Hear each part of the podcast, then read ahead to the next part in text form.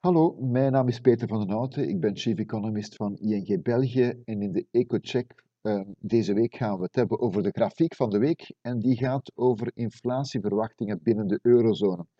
Als je kijkt naar de inflatie, dan is die al een tijdje heel laag. Het jongste inflatiecijfer voor mei in de eurozone bedraagt amper 0,1%, terwijl de ECB een inflatie van ongeveer 2% beoogt. Dus met andere woorden, de inflatie is veel te laag.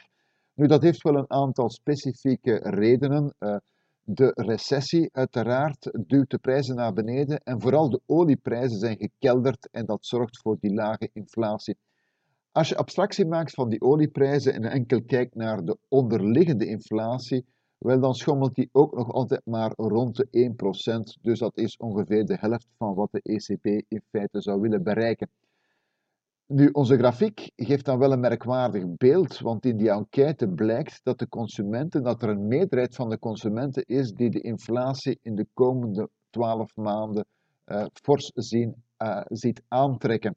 Terwijl de producenten uh, in de dienstensector en in de verwekkende nijverheid eerder verwachten dat hun prijzen onder neerwaartse druk zullen staan.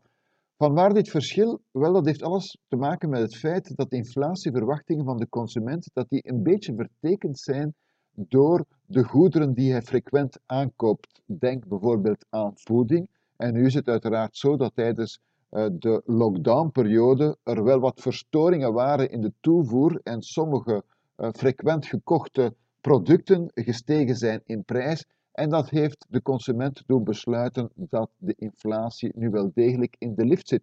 Maar dat is uiteraard niet zo, omdat een aantal andere duurzame goederen die veel duurder zijn en die de consument maar eens om de zoveel jaren koopt, denk aan auto's, wasmachines en dergelijke meer, wel daar heb je eerder neerwaartse prijsdruk vanwege de uh, zwakke vraag door de coronarecessie op dit ogenblik. Dus slotsom moeten we verwachten dat de inflatie in de komende jaren fors zal stijgen. Helemaal niet. Door eh, de recessie is er nog altijd neerwaartse druk op de prijzen. En wij denken dat uh, ook in 2021 de inflatie, hoop en al, rond de 1,5% zal uitkomen. Dit was het voor deze week. Bedankt voor het luisteren.